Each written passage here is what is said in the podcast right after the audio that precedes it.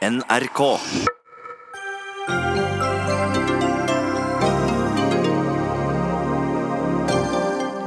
Sjakk-Norge er i åpen strid.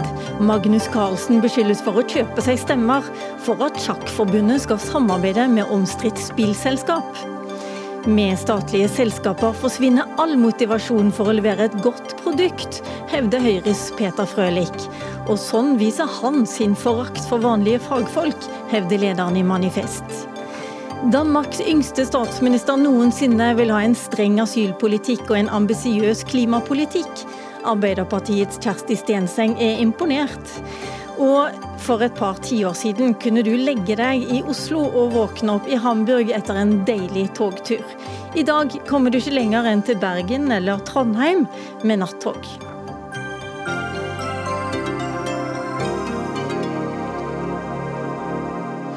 Ja, velkommen til Dagsnytt 18. Mitt navn det er Lilla Sølhusvik.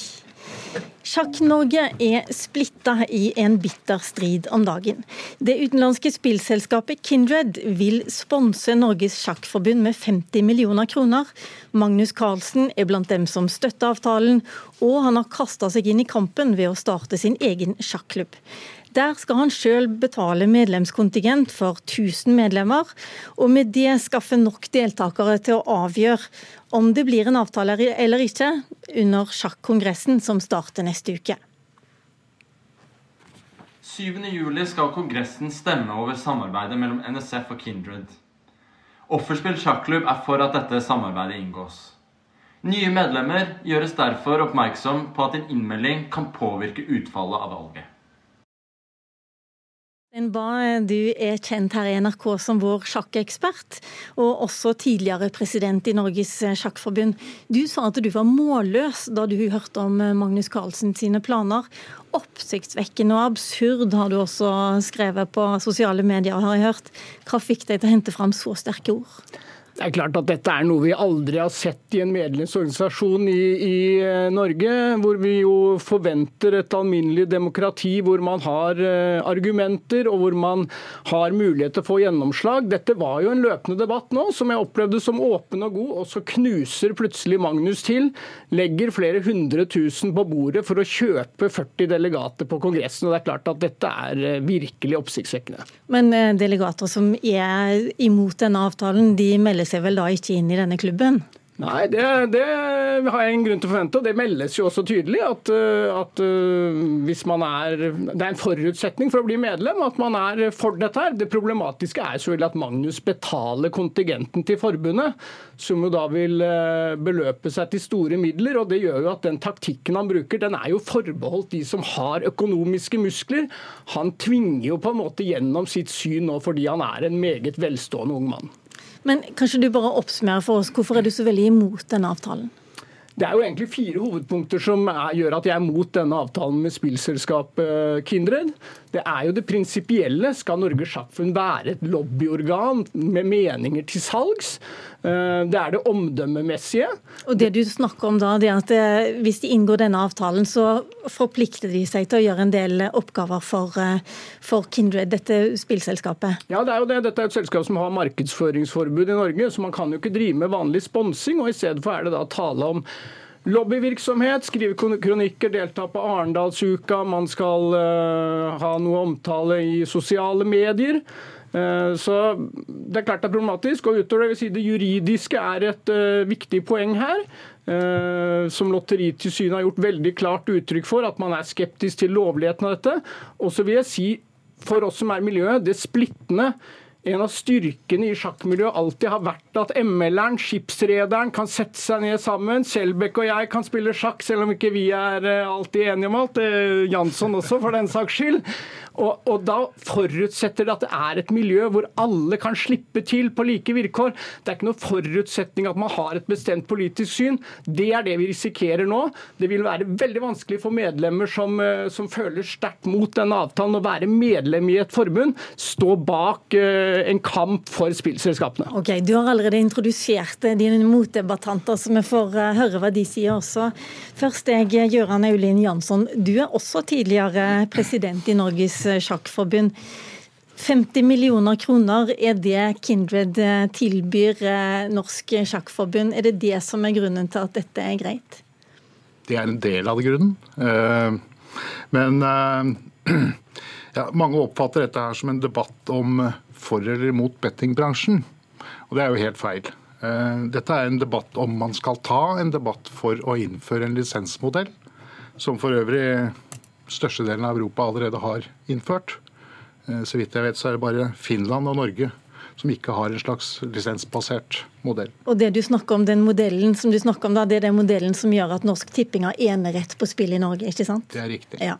Det, det, er noe sjakken også Sjakkforbundet skal gjennom denne avtalen være på en måte en slags lobbyist for at denne eneretten til Norsk Tipping skal oppheves? De skal være en meningsbærer for noe som er en relevant mening også for sjakken. Da denne hva er sammenhengen mellom sjakk og, og, og spill, egentlig? Nettspill. Sjakk er et spill. ja, jo, jo. Men nettspill for penger? Nei, Det er ikke noen sammenheng der utover at denne finansieringsmodellen som uh, dette spillmonopolet vi har i Norge uh, gjør, gjør sitt til at idretten får sine penger. kulturen får en del penger. frivilligheten får bitte lite grann. Og sjakken får veldig, veldig, veldig lite. Vi ønsker en mer hva skal vi si, en større modell hvor også inntektene fra 50% av hele markedet i online-gamblingen eh, eh, også tilfaller eh, denne potten. Nå er det flere ja. Det er jo ingenting som tilsier at en endret modell fra enerett til lisens skal gi Norges Sjakkforbund mer penger. Så man går fra den ene til den andre. og Tvert imot så vil man jo fort kunne tenke at er det én ting idretten ville være opptatt av hvis det ble lisensmodell, var det at ikke sjakken skulle få noe mer? Bare en kjapp replikk da, Torstein. Eh, og jeg beklager. Eh, det vi nå debatterer, er om vi skal ta den debatten som du tar opp. Ok, Vebjørn Selbekk, du er også med oss, og du har vært i dette studio mange ganger av mange grunner. Du er sjefredaktør i Dagen, det er det vi kjenner deg som, men eh, ikke så mye som sjakkentusiast. Og dessuten en varm forsvarer av Magnus Carlsens opptreden i denne saken. Hvorfor eh, stiller du deg på den sida? Altså, jeg, tror, jeg, tror, det er viktig å, å løfte blikket og prøve å oppklare en del misforståelser her.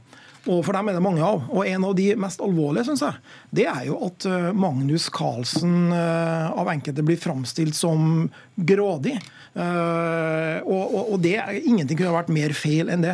Dette, dette engasjementet fra Carlsen gjør han jo ikke for sin egen del. Hvem har kalt han for grådig? Nei, så Blant annet på sosiale medier så, så, florerer det sånne ting. Men dette gjør Karlsen fordi han har en genuin og det tror jeg vi er enige om alle sammen, fordi han har en genuin interesse for unge sjakktalent i Norge. Han ønsker at han ikke skal den, eh, bli den eneste Magnus Carlsen i norsk sjakkhistorie, men at det også kan legges til rette for, for nye talenter. En veldig eh, flott eh, artikkel på NRK Ytring som er ute nå, av Johan Sebastian Christiansen, som er Eh, den femte beste sjakkspilleren i Norge, eh, og, og, eh, som forklarer hvor lutfattig Norges Sjakkforbund er. Og det her er vi ved hovedproblemet. Norges Sjakkforbund er lutfattig, har ikke penger. Kristiansen her forklarer i artikkelen sin hvordan han må legge ut fra egen lomme for å representere Norge i lynsjakk-VM og i hurtigsjakk-VM. Det er problemet. Vi har en idrettssektor der eh, alle andre idretter stikker av med Eh, eh, inntektene fra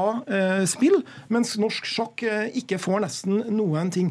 Og Det er dette som, som Carlsen ønsker å gjøre noe med. Og så syns jeg fremstilles som at dette er et kupp og sånne ting. Ja, vi, vi, vi, skal innrømme alle sammen at Magnus Carlsen er en kreativ person både på og utenfor eh, brettet. Så kupp er, er, greit i denne sammenhengen? Jeg syns ikke at det er et kupp. for den klubben som han oppretter, er jo en reell klubb. Eh, har fått masse medlemmer. Den skal spille i seriesystemet eh, i norsk sjakk. og det, vil, vil, det, klubben vil faktisk være favoritt der. fordi at det er så mange av toppspillerne i Norge som stiller seg bak dette og har meldt seg inn i klubben. Torstein Bae, er sikker på at du vil ha mange Magnus Carlsen og verdensmestere framover også. Er ikke dette en mulighet til å styrke de, loka de lokale miljøene? Jo, ikke sant? det er masse penger med. Synes, her syns jeg det var den ene avsporingen oppå den andre fra Selbekk, for å være ærlig. Først begynner han med noe med at det er enkelte på sosiale medier som fremstiller Magnus som grådig. Det føler jeg ikke er noe tema i det hele tatt. Det er ingen som betviler Magnus' sin motivasjon om at han vil hjelpe unge spillere. Men spørsmålet Og Det er litt forstemmende at en redaktør for en, en fremtredende avis sier dette er OK. Spørsmålet er altså at man inviterer 1000 medlemmer til å fylle ut et webskjema. Gjennom det skaffer seg 40 delegater på Kongressen. Det er etter alt å dømme nok til å vippe denne saken i hans favør. Det koster ham flere hundre tusen, og det er ikke noen annen måte å se det på Selbekk enn at han betaler disse pengene for å tvinge gjennom sitt syn på forbundskongress 7.7. Ja, jeg jeg, jeg syns ikke det. Jeg syns at uh, han viser her et engasjement for sin, eh, sitt utgangspunkt, som ikke er et personlig utgangspunkt, men er et ønske om å bringe fram nye talenter. Og da bruker okay. han de mulighetene han gjør. Det har du sagt. Jeg har lyst til å ta en, én ting til, Selbekk. Ja. Som ble kjent i dag. og det var at Stavanger de trekker sin søknad om å arrangere sjakk-VM fordi Magnus Carlsen har sagt i, på Facebook at han eh, neppe kan delta der. Det høres jo litt ut som en eh, mann som eh, styrer store deler av hele Sjakk-Norge akkurat nå. Jo, men, han, jo, men altså, la oss innrømme, hva hadde norsk sjakk vært uten Magnus Carlsen? Noen av oss husker tilstanden i norsk sjakk før Carlsen. Og det er en enorm forskjell.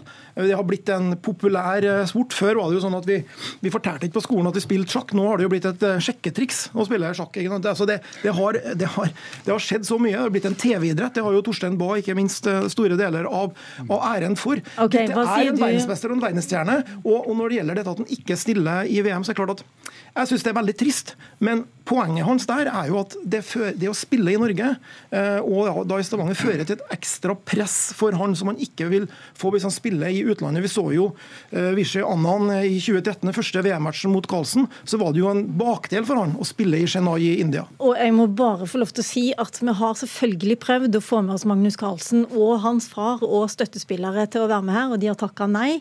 Det har også Norges Sjakkforbund gjort, fordi at de vil vente til det skal avgjøres på Kongressen om en uke. Men jeg må jo spørre deg, da, som, som eh, var president tidligere i Norges Sjakkforbund også, Gøran Aulin Jansson. Syns ikke du det er litt rart at Magnus Carlsen, etter å ha støtta at eh, sjakk-VM kunne være i Oslo eller Bærum, sier nei når det er i Stavanger? En VM-match, og eh, spesielt en VM-match på hjemmebane, også som eh, hans far Henrik uttaler i, i dette statementet, så er det et voldsomt press. Og, og, på hjemmebane så har du et enda høyere vinnerpress. Da må alt være optimalt. Er det presset større i Stavanger enn i Oslo eller Bærum? Nei. Presset er like stort, men kanskje omstendighetene vil være annerledes i Oslo.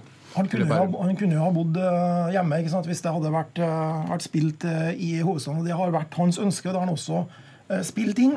Dessverre så har ikke det blitt tatt, tatt hensyn til. så det, det, er også en av aspektene her. Er du like forståelsesfull på det området, Torstein Bae? Ja, for så vidt. så Vi har sett de to siste VM-matchene. Det går helt til playoff, og Magnus har ikke noe å gå på der, uansett hvem han møter. så Sånn sett er det lett å skjønne. Han har gitt klar beskjed til forbundet om at han ville ikke ha matchen i Stavanger. Likevel har man da kjørt på det. Av litt uklare grunner har forbundet valgt å ignorere Magnus' ønsker. Og jeg tror nok det sinnet over det er noe av grunnen også til at vi ser dette stemmekjøpet, som jeg vil kalle det. At det er eh, et, et veldig sinne mot Norges Sjakkforbund nå fra Magnus Carlsen. Har, eh, har stjerna til Magnus Carlsen falma? Nei, på sjakkbrettet ser vi at han er eh, større enn noensinne, men litt litt primadonna kan vi kanskje si. altså, det, det, dette året har jo vært helt fantastisk for Magnus Carlsen. Han har jo ikke tapt etter, eh, etter VM-matchen. VM og nå ser vi også i turneringa i Kroatia hvordan han feier motstanderne av brettet der. Og i et miniatyrparty går altså en av verdens beste spillere som ble feid av brettet i det 23. trekket, eller hva det var. Okay, så, så dette er fantastisk. Han tapte ikke i VM-matchen heller, for øvrig. Nei, etter Å oh, ja, så jeg sa feil. Nei, toppene ikke VM-matchen. Jeg konstaterer at uh, stjerna i hvert fall ikke er falma for uh, Vebjørn Selbekk eller Gøran Øylin Jansson. Litt mer for Torstein Bae. Tusen hjertelig takk til dere tre.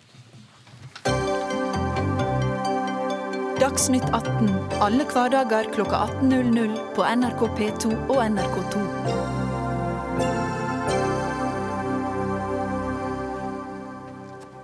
At eh, konkurranse virker er kanskje ikke så overraskende, i hvert fall ikke når påstanden kommer fra en eh, stortingsrepresentant fra Høyre. Men i et debattinnlegg i VG går du ganske langt når du forsvarer den omstridte jernbanereformen, Peter Frølik. Du skriver De som mener statlige selskaper skal drifte alt av transport, glemmer historiens lekse om at penger blir sløst bort på veien, i tillegg til at absolutt all motivasjon for å levere et godt produkt for kundene forsvinner. Er det så klokkeklart, Frølik, Frølich, at eh, all motivasjon forsvinner? Det er en spissformulering, men eh, essensen i utsagnet står seg. Det er sånn, Hvis vi ser på samfunnet rundt oss, så er det skapt av konkurranse. Konkurranse mellom bedrifter som har klart å gjøre samfunnet stadig bedre for forbrukere, og dermed for alle oss andre. Og Det er fin, er en fin oppskrift på et godt samfunn. Men da er det vel litt rart at NSB tross alt har klart seg i alle disse årene? Ja da, og de har gjort uh... Uten motivasjon, da, formoder jeg? Nei, altså, de har manglet det som heter insentiver. Jeg liker ikke det ordet så godt. Det er jo egentlig det det heter på fagspråket. Altså, når et selskap mangler insentiver til å levere et godt produkt eller lav pris, så blir det dårlig over tid. Men dette er ikke en kritikk fra min side mot de ansatte i NSB eller, eller uh, andre som har jobbet i ulike statsmonopoler. De har gått på jobb hver dag og, og gjort et ærlig stykke arbeid med god motivasjon. Men det er bare det at selskapene på sikt må ha noe å strekke seg etter. De må bli utfordret av nye konsepter, andre tanker. Og det vi ser nå med jernbanereformen og den konkurransen eh, Vy er blitt utsatt for nå fra utlandet, det er at det skjerper de. De, de tenker nye konsepter. De eh, lager eh, bedre vogner, eh, de begynner å strekke seg på å servere bedre mat. Og prisen for staten raser jo. 75% prisnedgang. Så jeg tror det bare viser litt av hvordan konkurranse fungerer. Og det gjelder på nesten alle andre felt i samfunnet også. Motivasjon snakker Peter Frølich om også, mens du kaller dette forakt for fagfolk. Magnus Marsdal, du er leder i Manifest Tankesmie. Hvordan kan du lese ham på den måten? Altså, la meg først si meg helt enig med Høyre i at uh, konkurranse selvsagt kan virke motiverende. Det jeg reagerer på, er jo den formuleringa om påstanden om at absolutt all motivasjon til å levere et godt produkt forsvinner når virksomheten ikke står i en kapitalistisk eh, konkurranse. Det er jo en absurd påstand hvis man ser på utviklingen av norsk samfunnsøkonomi de siste 70 årene, som har blitt en av de mest produktive i verden, med store innslag av virksomhet utenfor kapitalistisk sektor. Men også hvis du ser på helt konkrete eksempler nå i dag, f.eks. Sporveien her i hovedstaden har effektivisert 850 millioner kroner i året, helt uten konkurranseutsetning, gjennom å bygge på ansatte, egne ansattes fagkunnskap, på helhetlig, langsiktig kvalitetsarbeid, i stedet for å stykke opp og konkurranseutsette og satse på kortsynt innsparing.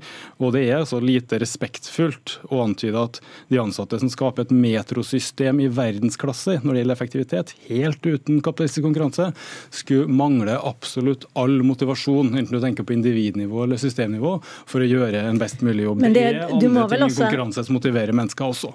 Men du må vel også erkjenne at eh, folk har stått og skreket av fortvilelse på perrongen eh, i Moss og i Trondheim og ulike steder, og, og forventa og forlangt et mer effektivt eh, togselskap? Det de har forlangt, er jo en fungerende skinnegang, noe som det har vært andre selskaper som har ansvaret for da, det som ble skilt ut som Jernbaneverket for ganske lenge siden. Og Jeg er skeptisk til det der også. Det å dele opp et helhetlig virksomhet som jernbane, komplisert affære. ikke sant? Du må ha et finjustert samspill mellom de ulike delene. og Det er sånn man driver jernbanen i land som Sveits, et av verdens beste systemer. Det er sånn man har lyktes med Sporveien i Oslo nå. Og det samspillet der alle må forstå hverandres eh, oppgaver og fungere på høyt internasjonalt nivå og levere kvalitet i verdensklasse, det stykker du opp ved, ved konkurranseutsetting. Du lager siloer der direktører skal sitte og fakturere hverandre. Du satser på kortsiktig innsparing i stedet for langsiktig prioritering av ansattes kompetanse. og Det viser ikke respekt for at det er eh, egne ansattes ferdighet faglighet og kyndighet som til sjuende og sist er grunnlaget for kvalitetsutvikling. Peter Frølich, hvilken del av eh, selskapet Vy eller Jernbaneverket hvilken del, Er det toppene du snakker om som er for lite effektive, eller er det gjennomgående i hele selskapet? La oss si det sånn at Kundene som kjører tog, de er opptatt av at det skal gå presist. De er opptatt av å ha gode vogner, moderne vogner og en fin opplevelse å komme fra A til B. Det er klart at eh, Den som går og løser ut eh, billetten om bord, er ikke den som kan levere det for meg som kunde. Det, da snakker vi om ledelsen og eierne. som ikke har gjort en, en god nok jobb, og kanskje ikke hatt den riktige motivasjonen til å strekke seg ekstra langt. Eh, men de ansatte har gjort en, en, en strålende jobb. Så dette, denne kritikken min, systemkritikken, den, den retter seg mot primært ledelse, eiere og kanskje også politikere som har lagt til rette for en, at norsk jernbane har sakket akterut, mens landet rundt oss som har hatt fri konkurranse på jernbanen, har fått rett og slett bedre eh, selskaper. Det er jo er litt det... pinlig for oss at vi blir eh, utkonkurrert av den svenske jernbanen, som har levd med konkurranse i mange år, og så sier rett ut at vel, vi er glad i konkurranse, vi vet hvordan det er å konkurrere, og vi kan levere bedre enn det NSB eller vi eh, har gjort. Men jeg lurer jo litt på om eh, det var tilfeldig at du skrev den kronikken akkurat denne uka, da det kom fram at eh, vi har fått omtrent 50 direktører, og de har alle sammen million lønn som erstatning for det gamle systemet vi har hatt innenfor jernbanen? Det var mange direktører før, og det er dessverre for mange direktører nå. Det er I hvert fall fem-seks ganger flere nå. Ja, og, og, eh, Det er nok ikke en direkte konsekvens av reformen, men jeg tror at når ting går seg litt til, så vil en del avskallinger skje. For det at når du har konkurranse... Men er det spesielt mer effektivt? Ja, altså Når du har konkurranse, så vil de som svulmer ut og har for mange ansatte og for mye direktører og er for topptunge, de vil, de vil falle fra i konkurransen. De som overlever konkurranse på sikt, er de som strukturerer seg effektivt og godt og prioriterer kundene og forbrukerne. Så dette kommer til å gå seg til på sikt. Også dette går seg til, Marsdal? Eh, ja, det her er dessverre en rosenrød skrivebordsteori. For det første så er jo det innsparingene som Høyre allerede feirer, skrivebordsinnsparinger i skrivebordsanbudsdokumenter. Det er ikke kjørt en meter togtransport eh, eh, enda, og de er i stor grad framkommet gjennom å gjette på veldig høye passasjertall, sånn at det er innbyggerne og ikke staten som skal betale i framtida. For det andre så har det jo gått veldig dårlig i land som har innført den samme typen tenkning som Sverige og Storbritannia, men la nå det ligge. Selv hvis NSB skulle være verdens dårligste selskap og virkelig trenger et spark bak, og at det er riktig at det skjer nå. Selv hvis det skal være sånn, så er det ikke mulig å generalisere fra det eksempelet til at eh, absolutt all motivasjon til å gjøre en god jobb forsvinner når man ikke eh, har kapitalistisk konkurranse. Og Hvis det var sånn, så ville Norge være en håpløst ineffektiv samfunnsøkonomi, men vi har verdens høyeste produktivitet. Og det er ikke på tross av våre sterke fellesløsninger, ofte drevet i offentlig regi, men av dem. Og Det er den virkeligheten som Høyres skrivebordsteori ikke klarer å forholde seg til. Hvor langt vil du gå i konkurranseutsettingen av Frølik? Hvilke områder er det du mener ikke skal eh, konkurranseutsettes? Nå er jo faktisk det aller meste i Norge utsatt for en konkurranse, og det tror jeg vi skal være glad for. Ja, De men det, skal... det Marsdal lurer på er jo om du vil gå videre enda mer f.eks. i skolen? i forhold til... Altså, der hvor det er forbrukere, så er det velegnet for eh, å konkurranseutsette. Og så har du en del andre offentlige funksjoner som er litt mer eh, omdiskutert. Det er åpenbart at noen ting ikke egner seg i det hele tatt, f.eks. domstoler og politi og sånn. Og så har vi jo en pågående diskusjon om det er rom for litt konkurranse og litt sunn eh, konkurranse innenfor f.eks. velferdssektoren og, og, sånn. Der er det uenigheter mellom høyresiden og venstresiden. Men at det skal være konkurranse mellom å kjøre en person fra A til B med fly eller buss eller, eller eh, taxi for så vidt, eh, eller båt eller ferge. Selvfølgelig er det veiledende for konkurranse. Og er, Den største skandalen er jo egentlig at ikke dette er gjort for lenge siden. For det at nå ser vi innsparingene okay. som kommer. Vi må avrunde der. Eh, Magnus Marsdal, kort til slutt. Ja, så respekt for fagligheten til arbeidsfolket og ingeniørene og lederne. Det betyr at du bygger langsiktig kvalitet på den kompetansen. Og det å sende ut all den kompetansen på anbud hvert femte år, det er bare å vise at du ikke respekterer at det er fagfolkenes kyndighet som ligger til grunn for bedriftens kvalitet. Foreløpig er i hvert fall jernbanereformen bare så vidt i gang. Hjertelig takk til dere, Magnus Marsdal, leder i Tankesvin Agenda. og Unnskyld, Manifest, det visste jeg jo veldig godt. Og til Peter Frølich, som er stortingsrepresentant for Høyre.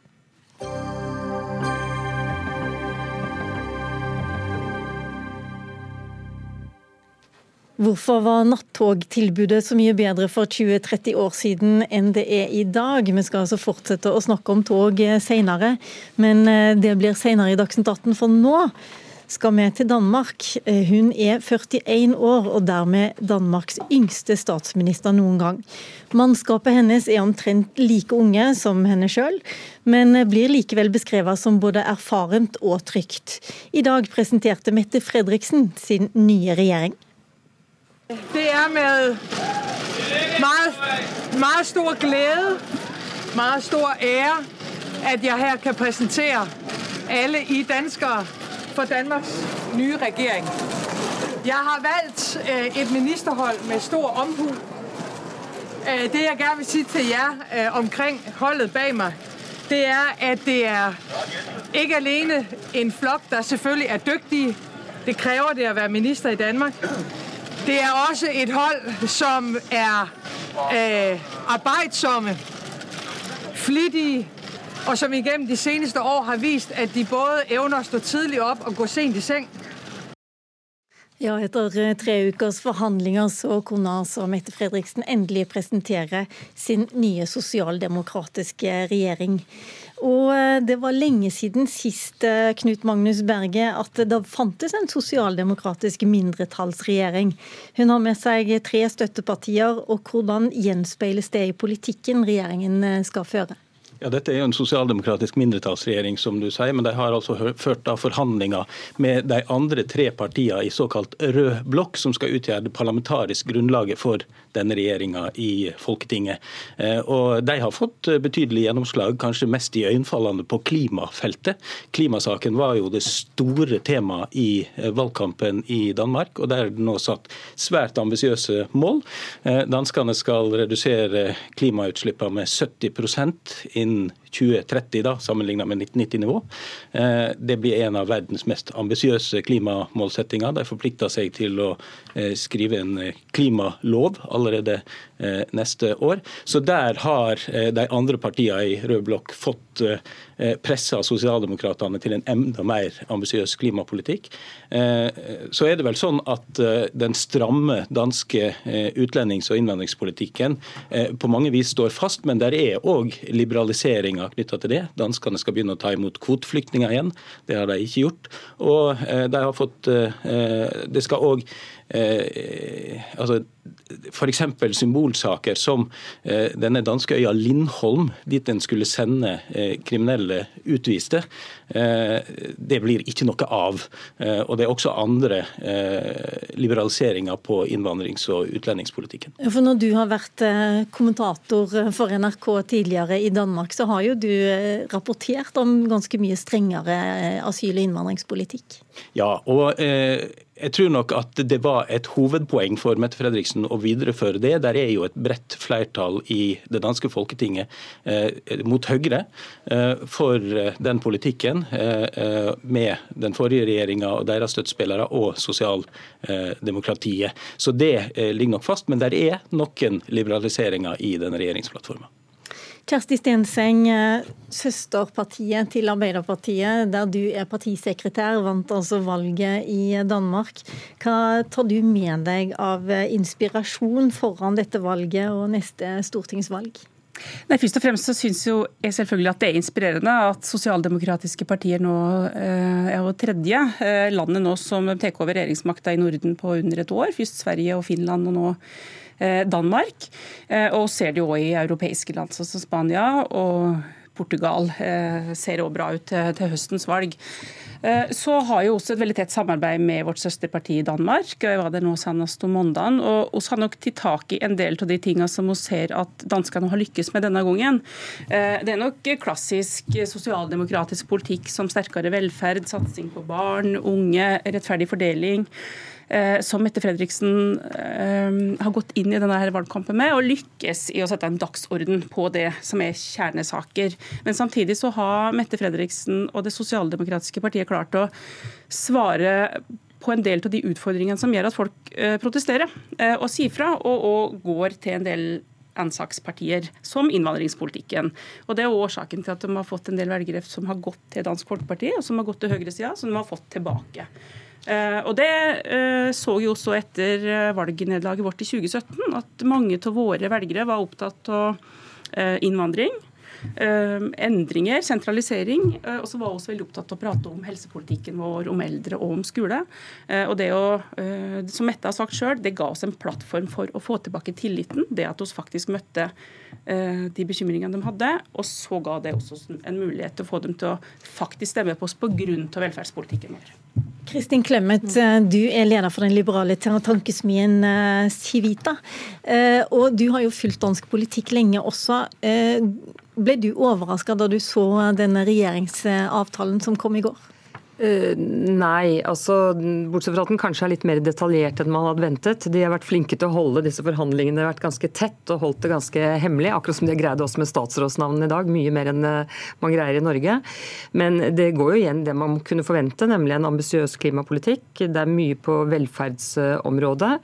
Uh, og så er det endringer i utlendingspolitikken, som det blir sagt her. Og det er klart noen i Dansk Folkeparti vil si at det er et brudd med det såkalte paradigmeskiftet som alle har blitt enige om i, i Danmark. men men andre vil si dette er ganske små ting, eh, som hun har varslet også i valgkampen.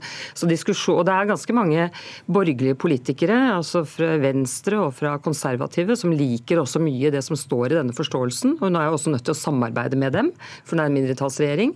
Jeg hørte senest rett før jeg kom hit, tidligere miljøminister og, eller klimaminister og klimakommissær eh, Conny Hedegaard fra de konservative, som var veldig begeistret for mye av det som står i klimakapitlet. Men det som blir diskutert, er jo muligheten mulighetene for gjennomføring. Fordi dette blir ganske dyrt. Eh, det koster veldig mye. Og disse samarbeidspartiene de er ikke enige om den økonomiske politikken. For det er nemlig to klassiske venstresidepartier der, som SF og Enhetslisten, som gjerne vil øke skattene. Men så er det Radikale Venstre, som egentlig er et borgerlig parti, og som gjerne vil føre en borgerlig eh, økonomisk politikk, kan man si. Jeg Er mer skeptisk til skatteøkninger og vil satse på å gjøre ting for å styrke arbeidstilbudet. Før dette, før dette gjøres om til en politisk debatt, så har jeg bare lyst til å snakke litt ja, ja, ja, absolutt. Men jeg bare tenkte vi skulle rekke også å snakke litt om mannskapet. Mm. Eh, det sies nå at eh, dette er et mannskap som er yngre enn eh, på svært, svært lenge. Mette Fredriksen sjøl er 41, og gjennomsnittsalderen er 42 år. Du var sjøl ung statsråd, Kristin Clemet. Ja, det er, det en fordel å være så ung? Det er flere her i 30-årene, men jeg tror likevel at dette laget Hun har fått veldig mye ros for det laget hun har satt sammen. Fordi det er et, som noen sa, det er et kjedelig lag, og det er bra. Altså I betydningen at det er driftssikkert, at det er mye erfaring. At dette er et ganske ideologisk sterkt lag. Altså Det er mennesker, eller en del statsråder som er eh, opptatt av ideologi og sosialdemokratisk ideologi. Og hun vil jo gjerne at hun skal skille seg fra den forrige sosialdemokratiske regjeringen eh, med, under Helle Thorning-Smith, som liksom hadde et mer sånn høyredreid eh, preg, og lå samarbeidet veldig tett med radikale venstre, hvilket var et problem for sosialdemokratiet. Så... Eh, men jeg har lyst til å holde meg litt på det unge mannskapet. Litt senere i kveld så skal det være en, debatt blant demokratiske presidentkandidater, og der er jo liksom ungfolen Elizabeth Warren 70 år, mm. mens de andre er oppe i 78-79, Knut Magnus Ja, det er en 38-åring der. Eller det var iallfall det i går, i den første debatten. ja. Men hva kan du si om de som eh, skal inn i denne regjeringen i Danmark? Ja, altså Det var jo flere overraskelser her. Det har jo også eh, kommentatorer i Danmark eh, holdt fram nå i eh, ettermiddag. Det var en overraskelse at Jeppe Kofod ble utenriksminister, kanskje først og fremst fordi at han nettopp var gjenvalgt til Europaparlamentet i valget i slutten av mai og har hatt en høyprofilert rolle der. Jeg har ikke sett noen som har sett hans kvalifikasjoner trukket i tvil, men at det var en eh, overraskelse. Eh, også eh, kanskje at eh, Joy Mogensen, som eh, er eh, borgermester i Roskilde, er inne i regjeringa. Først og fremst fordi at hun er gravid. Det ble jo holdt fram som et framoverlent eh, grep. Eh, og også at eh, hun er eh, da alene eh, om og skal være foreldre til dette kommende barnet. Så en par overraskelser var der, men veldig mange kjente navn i dansk politikk. Det eneste kritiske punktet er at det er litt få kvinner, og de har to viktige utvalg i den danske regjeringen. Et koordineringsutvalg og et økonomiutvalg ledet av statsministeren og finansministeren. Og der, I disse to utvalgene er det visstnok bare med én kvinne i tillegg til Mette Fredriksen, og det er det eneste som har blitt satt fingeren på i dag, tror jeg. Nå er vaktsjefen min veldig opptatt av at du skal rikke danskebåten, så du må rett og slett få lov til å dra. Men Kjersti Stenseng, jeg må høre fra deg hva det er du skal trekke mest erfaring fra. Ja, jeg hadde lyst til å gi en kommentar på mannskapet. Og, ja. Det er et veldig erfaren mannskap. Selv om de har en gjennomsnittsalder på 42, så ser du at de har hatt opp ja, de fleste har hatt mange perioder eh, i Folketinget. Eh, og det er sånn Våre politikere nå som har lang erfaring fra AUF, de var jo eh, ungdomspolitikere i hop for mer enn ja, 20 og 30 år siden. Så det er mye erfaring, stø kurs, eh, sterke ideologiske politikere. Det er lite eksperimentering med å hente statsråder fra utsida. Eh, så det Denne ideen med å, å starte en mindretallsregjering uten samarbeid med de andre partiene, virker det forlokkende også på et Arbeiderparti i Norge? Nei, altså oss eh, har god erfaring med rød-grønt samarbeid, og det ønsker oss å ha videre. Altså vi kunne ha en, eh, en, et parlamentarisk grunnlag som er med, i regjering med de andre partiene. Så det har ikke oss tenkt å la oss inspirere til. Da avsluttet vi rett og slett der. Hjertelig takk til deg, Kjersti Stenseng, partisekretær i Arbeiderpartiet, og til Knut Magnus Berge, som er kommentator og sjef for utenriks her i NRK.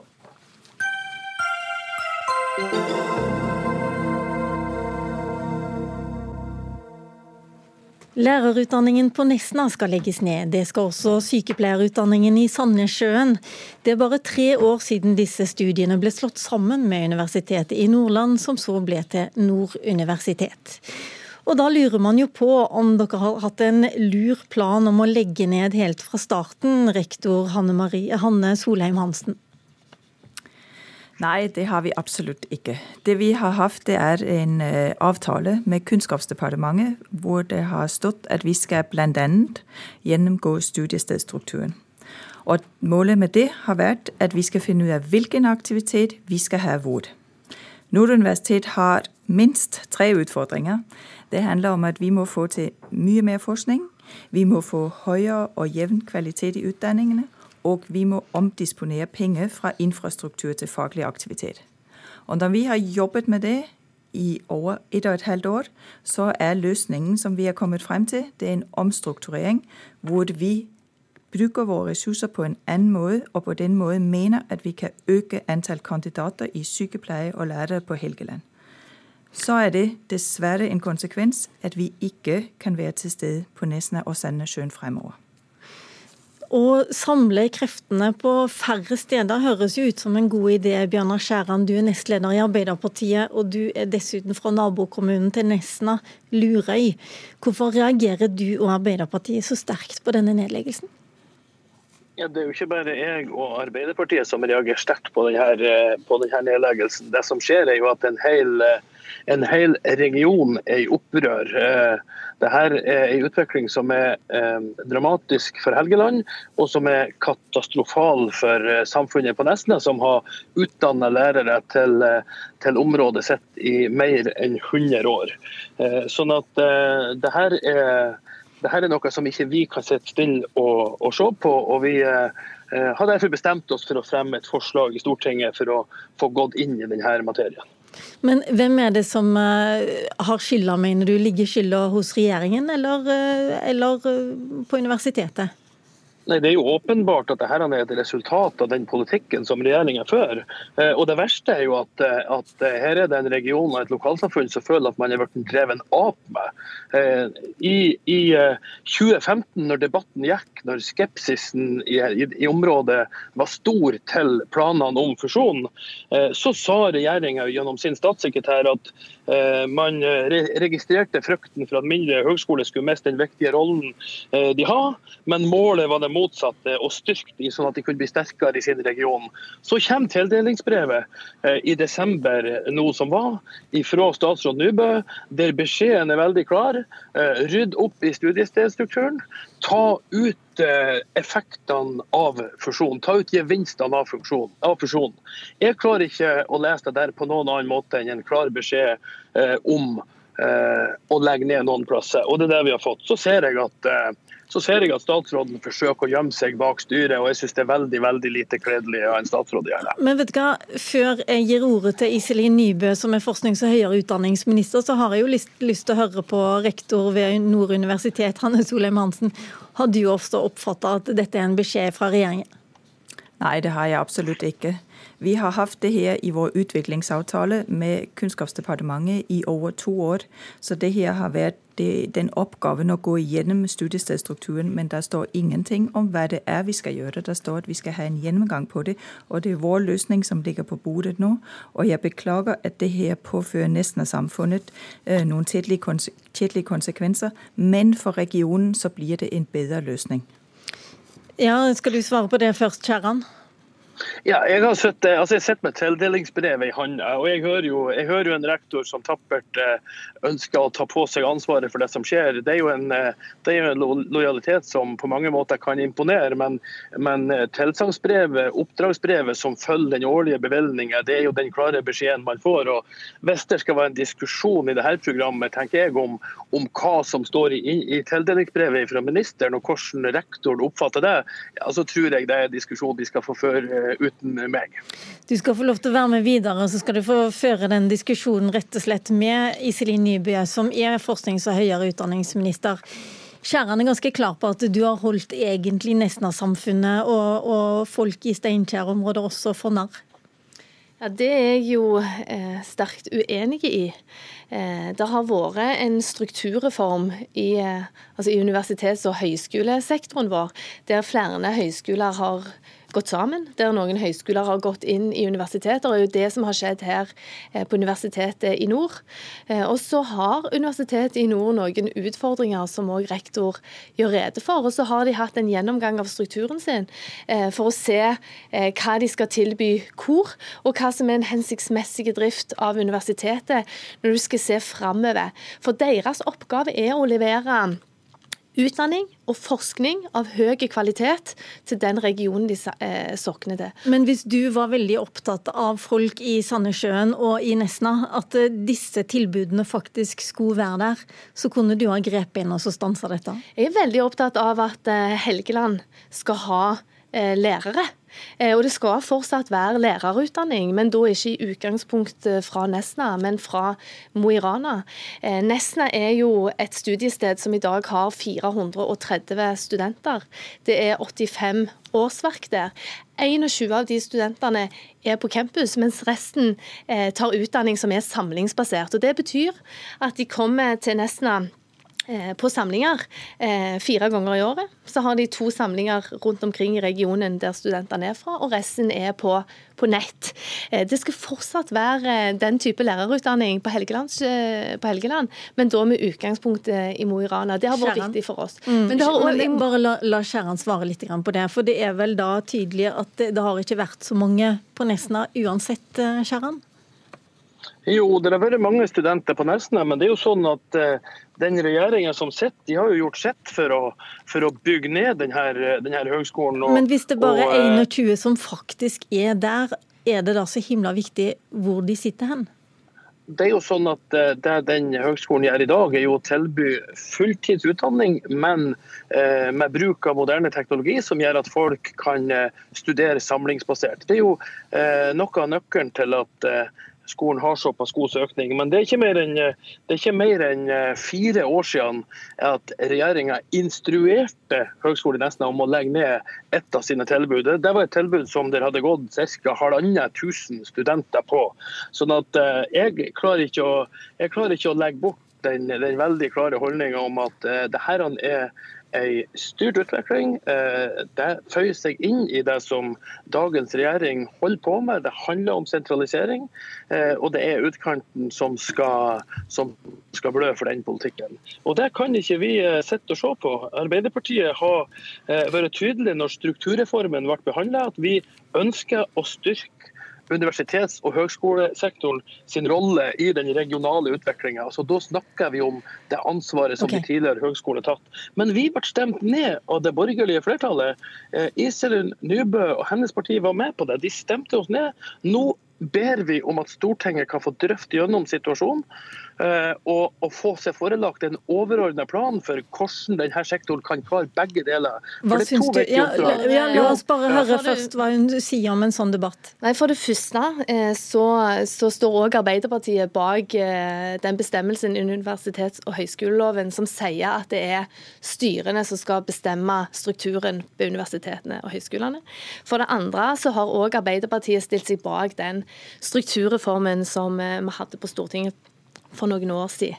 Eh, det skal fortsatt være eh, utdanning eh, i regionene ute i distriktene. Når, når rektor la fram sin rapport for en tid tilbake, så ble det stor oppstandelse, for det var store endringer på gang. Men nå blir det sånn at styret har bestemt at det skal være sykepleier- og vernepleierutdanning på Namsos. Det skal være økonomiutdanning på Steinkjer. Det skal være sykepleier- og lærerutdanning i Vesterålen. Og så har jeg òg stor forståelse for at det er frustrerende for de som jobber på Nesna, de som bor på Nesna de som er knytta til Nesna, at det legges ned. Men det er en beslutning som styret har tatt for å tenke langsiktig. Jeg skjønner at styret har tatt eh, den beslutningen, men jeg lurer på, tidligere så er det jo sagt mange ganger at det, det er et eh, poeng i Norge at man har en høyskole på hvert et nes. Er det et poeng for denne regjeringen at man ikke nødvendigvis skal ha en høyskole på hvert et nes? Det er et poeng for denne regjeringen at du skal kunne få utdanning Eh, litt sånn uavhengig av hvor du bor. og Da har vi moderne teknologi, da har vi disse samlingsbaserte utdanningene. Og jeg, jeg, jeg, vil utfordre våre høyskoler og universiteter til å tenke annerledes og nytt og mer moderne rundt det med desentraliserte utdanninger. For det kan ikke være sånn at du må bo en plass der det er et studiested for at du skal få utdanning. Men kan du ikke tenke på det også når dere, når dere argumenterer for å flytte ut statlige arbeidsplasser? at eh, du trenger ikke nødvendigvis å bo der. Ja, og Det er jo akkurat det regjeringen har gjort. Vi har jo flyttet ut massevis eh, av statlige arbeidsplasser, og det er viktig. Men da går det andre veien. Det er vel også et poeng å flytte ut arbeidsplasser nå, i denne Nå er det ingen av disse arbeidsplassene som flyttes til Oslo, som ofte blir brukt som, som eh, liksom eksempel på når det går andre veien. For dette her er Nord universitet som har bestemt seg for å bruke midlene sine på en annen måte for å levere høyere kvalitet på den utdanningen og forskningen som de driver med. Og så skal det skje fra Bodø, fra Mo i Rana, fra Vesterålen, fra Steinkjer, fra Namsos, fra eh, Levanger, fra Stjørdal. Ja, fra mange plasser eh, okay. har de studiesteder. Og det skal de fortsatt ha. Skjæran til slutt, er det et poeng for Arbeiderpartiet å ha, et, ha en høyskole på hvert et nes? Nei, vi har ikke et høyskole på hvert et nes, men vi har et sterkt eierskap til det byggverket som vi bygde. Og Det handler om at vi har klart å bygge eh, høgskole rundt om i Norge, sånn at det går an å ta høyere utdanning eh, uansett hvor du bor. Eh, og Det kommer til å bli viktigere i framtida, fordi at vi vet at vi trenger en kompetansereform i arbeidslivet der det er mulig å fylle på med utdanning gjennom arbeidslivet sitt. Okay. Eh, da har man familie, da bor man en plass, og da må det ikke være for langt. Jeg, eh, så nei, ikke, på hver, ja. Ja, ikke på hvert nes, var det det du skulle ikke si? På hvert, ikke på hvert et nes, men nært nok til at det er mulig å få gjennomført. Og resultat, altså det resultatet vi ser i dag Jeg prøvde å, å, få en avrunding, men jeg tror du er på vei inn okay. i noe nytt nå. Så tusen hjertelig takk, Bjørnar Skjæran, nestleder i Arbeiderpartiet. Takk til deg, Iselin Nybø, forsknings- og høyere utdanningsminister. Og takk til Hanne Solheim Hansen, rektor ved Nord universitet. Hør Dagsnytt 18 når du vil. Radio NRK Radio.nrk.no.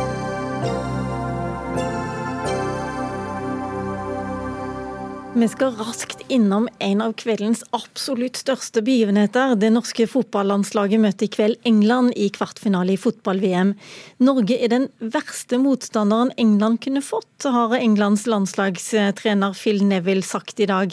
Og reporter Tonny Barstein, du står utenfor stadion i Le Havre i Normandie i Frankrike. Det er vel ikke noe tvil om hvem som er favoritter likevel? Nei, Det utsagnet pluss at uh, Phil Neville også sa at Norge var den største overraskelsen i VM så langt, det gjenspeiler også oddsen før kampen. England er favoritter, men eh, det var også Australia da, Norge slo dem ut i åttedelsfinalen. Vi bare nevner det. Hvordan har oppkjøringen vært for de norske kvinnene? De norske spillerne har vært og er i en flytsone. Det har de vært gjennom mesterskapet. F.eks. så har alle jentene vært på trening, bortsett fra Emilie Hove som røyk korsbåndet ganske tidlig i mesterskapet. Så har jentene holdt seg sykdomsfri og skadefri. Og det er ganske imponerende når en så stor gruppe lever så tett sammen i fem-seks uker som de har gjort, og spilt tøffe VM-kamper. Alle er friske og raske, og været og alt spiller på lag. Og som vi sier, alt er Norges eh, fordel i VM. Men eh, hvordan er det med den varmebølgen vi har hørt så mye om, da, som skal skille over Frankrike? Plager ikke dere? Eh, jo, altså i dag har det vært opp mot eh, 30 varmegrader her i byen. og Som dere kanskje ser og hører her, så, så blåser det. Det er naturlig, fordi at eh, denne byen her ligger jo ved kysten, så den varmen har ikke vært så intens. Og kampen er jo ikke før om et par timer, så eh, verken de norske spillerne eller støtteapparatet var særlig bekymra i går før eh, kveldens eh, kamp, i forhold til varmen, i hvert fall. Vi krysser fingrene her i Norge i hvert fall. Takk skal du ha, Tommy Barstein. Og du kan høre kampen på NRK Sport på radio fra klokken 20.45 i kveld.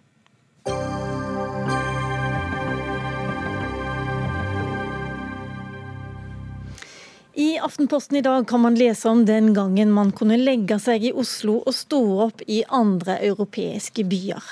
Nå går det ikke lenger et eneste nattog over landegrensen, og siden 1990 er nesten halvparten av utenlandstogene fra Oslo blitt borte.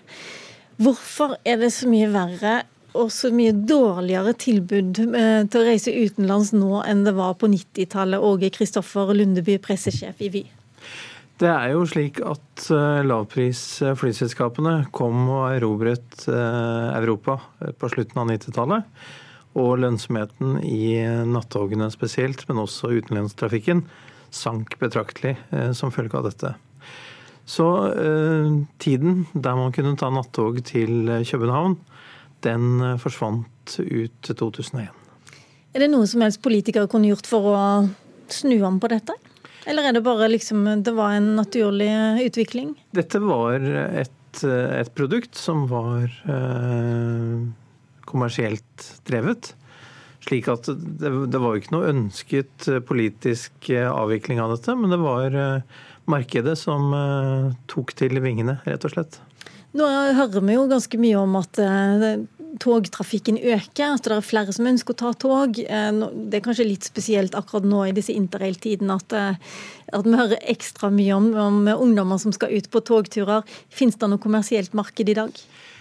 Litt usikkert, men at det er voksne, det er helt uh, tydelig. Og på Facebook så finnes det jo en, en uh, gruppe med nesten 20 000 medlemmer som heter Togferie der eh, det vokser frem ekspertise på å ta toget rundt om i Europa.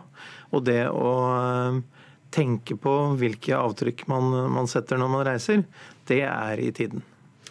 Sirin Stav, eh, Miljøpartiet De Grønne, du sitter i bystyret i Oslo. Dere vil gjerne ha flere togforbindelser til utlandet, og du trenger ikke nødvendigvis å vente på det kommersielle markedet heller. Dere fremmer forslag til transport- og kommunikasjonskomiteen med ni ønsker for et bedre togtilbud.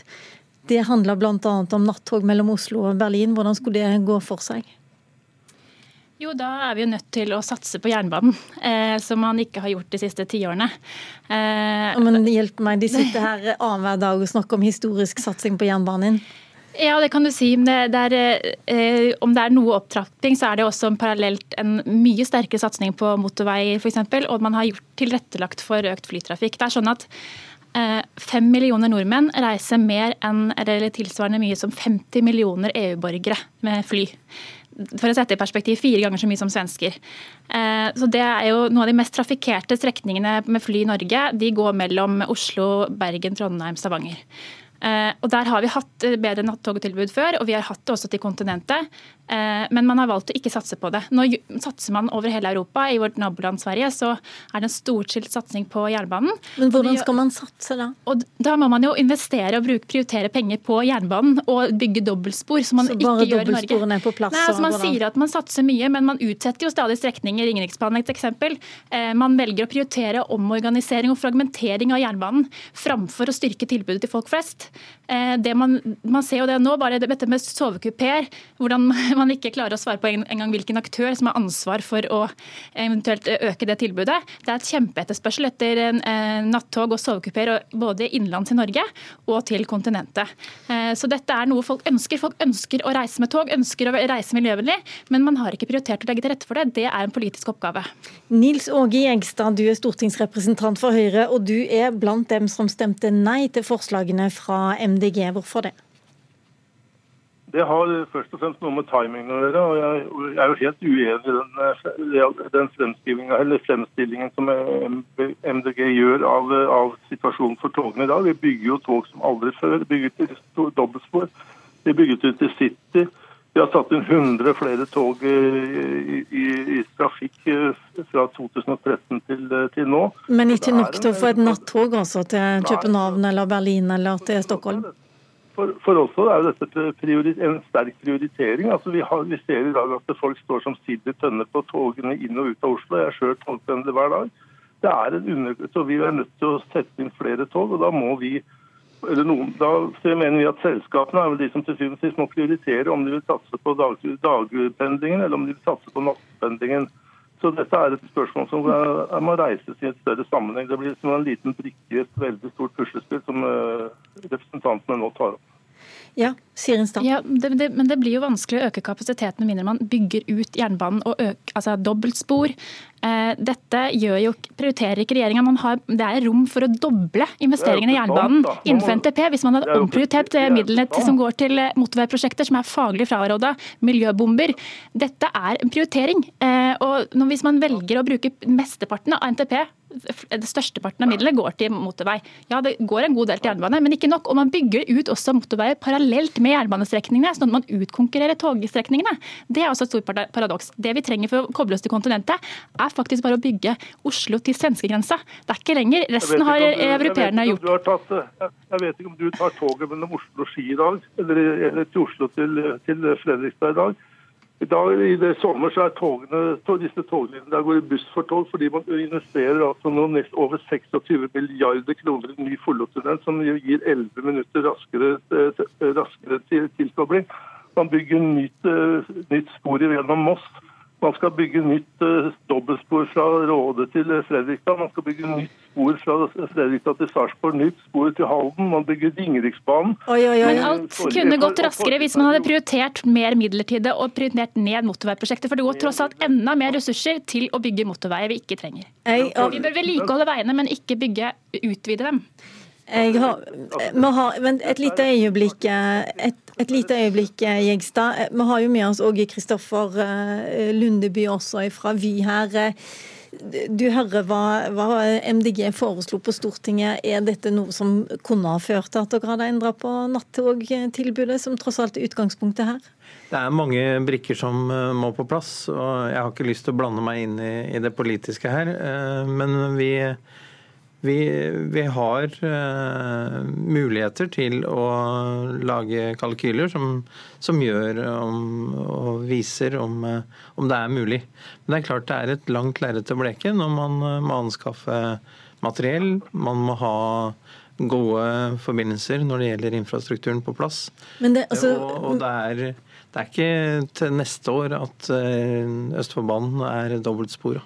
Men da tilbudet ble lagt ned mellom Norge og Stockholm f.eks., så ble det sagt at eh, grunnen til at dette ble lagt ned, var rett og slett for liten vilje fra norsk side. Man var for treig i Norge. Er det noe med, Har hastigheten gått opp såpass at eh, det argumentet ikke ville kommet fra Sverige i dag? Dette var jo ikke da nattogtilbudet ble lagt ned, men eh, det var et, en hurtigtogforbindelse mm. som het Lings i sin tid, som, som var på, på tidlig 2000-tall. Så det var en annen årsakssammenheng, eh, det. Nå er Stockholm-toget tilbake igjen eh, for fullt. og det, Nå jobbes det også med en konkret plan om eh, Oslo-Stockholm 250, altså 2 timer og 55 minutter. Hvor det altså er et kommersielt, mulig kommersielt prosjekt som kan gjennomføres uten store tilskudd. Og Det er noe som jeg ser fram til. Når det gjelder nattog, så vet vi jo nå at på noen av disse nattogstrekningene, som bl.a. Sørlandsbanen, der skal nå over de Go-Ahead. Og jeg tror at både Go-Ahead og SJ vil komme med nye konsepter når det gjelder bruk av togmateriell hele døgnet. Så Jeg ser fram til at vi får en veldig positiv utvikling nå. Det er ikke til forkleinelse for Vy, men det er fordi at det mm. nye, det kommer nye ideer og bedre løsninger inn. Men det er ganske... Oslo-Göteborg er veldig viktig i Oslo-Göteborg-prosjektet. Der er det så der, der, er det spørsmål om infrastruktur. for der, du, toget, Jeg tok toget fra Göteborg til Oslo i går. Bruker fire timer. og Jeg kan Ja. kjøre med bil for tre, under tre timer. så det, er okay. Men det er ganske enkle grep man også kan gjøre for å øke f.eks. kapasiteten på uh, altså sovevogner. Uh, man kunne tillate å dele vogner, det er mange som ønsker det. Det uh, man kunne ha enklere løsninger som mellomløsning mellom sovekupé og vanlig sittende tilbud, som man har på kontinentet. Så det er mye man kan gjøre som uh, regjeringa bør ta tak i. og Man kan også samordne tilbudet slik at man kan bestille og få ruteinformasjon og bestille billetter i, fra Oslo til eh, Berlin, eh, Hamburg, København. En billett, mens det kunne man på 90-tallet. Det kan man ikke i dag lenger. Så er, man kan gjøre enkle grep også for eh, nattogene. Vi kom i hvert fall ikke noe særlig mye lenger med nattogene i denne sendingen, for eh, vår tid faktisk er omme. Takk til Sirin Stav, takk til Nils Åge Jekstad, som er stortingsrepresentant i Høyre, og Åge Kristoffer Lundeby, pressesjef i Vy. Mitt navn er Lila Sølhusvik, og ansvarlig for denne sendingen har Dag Dørum vært. Takk for i dag.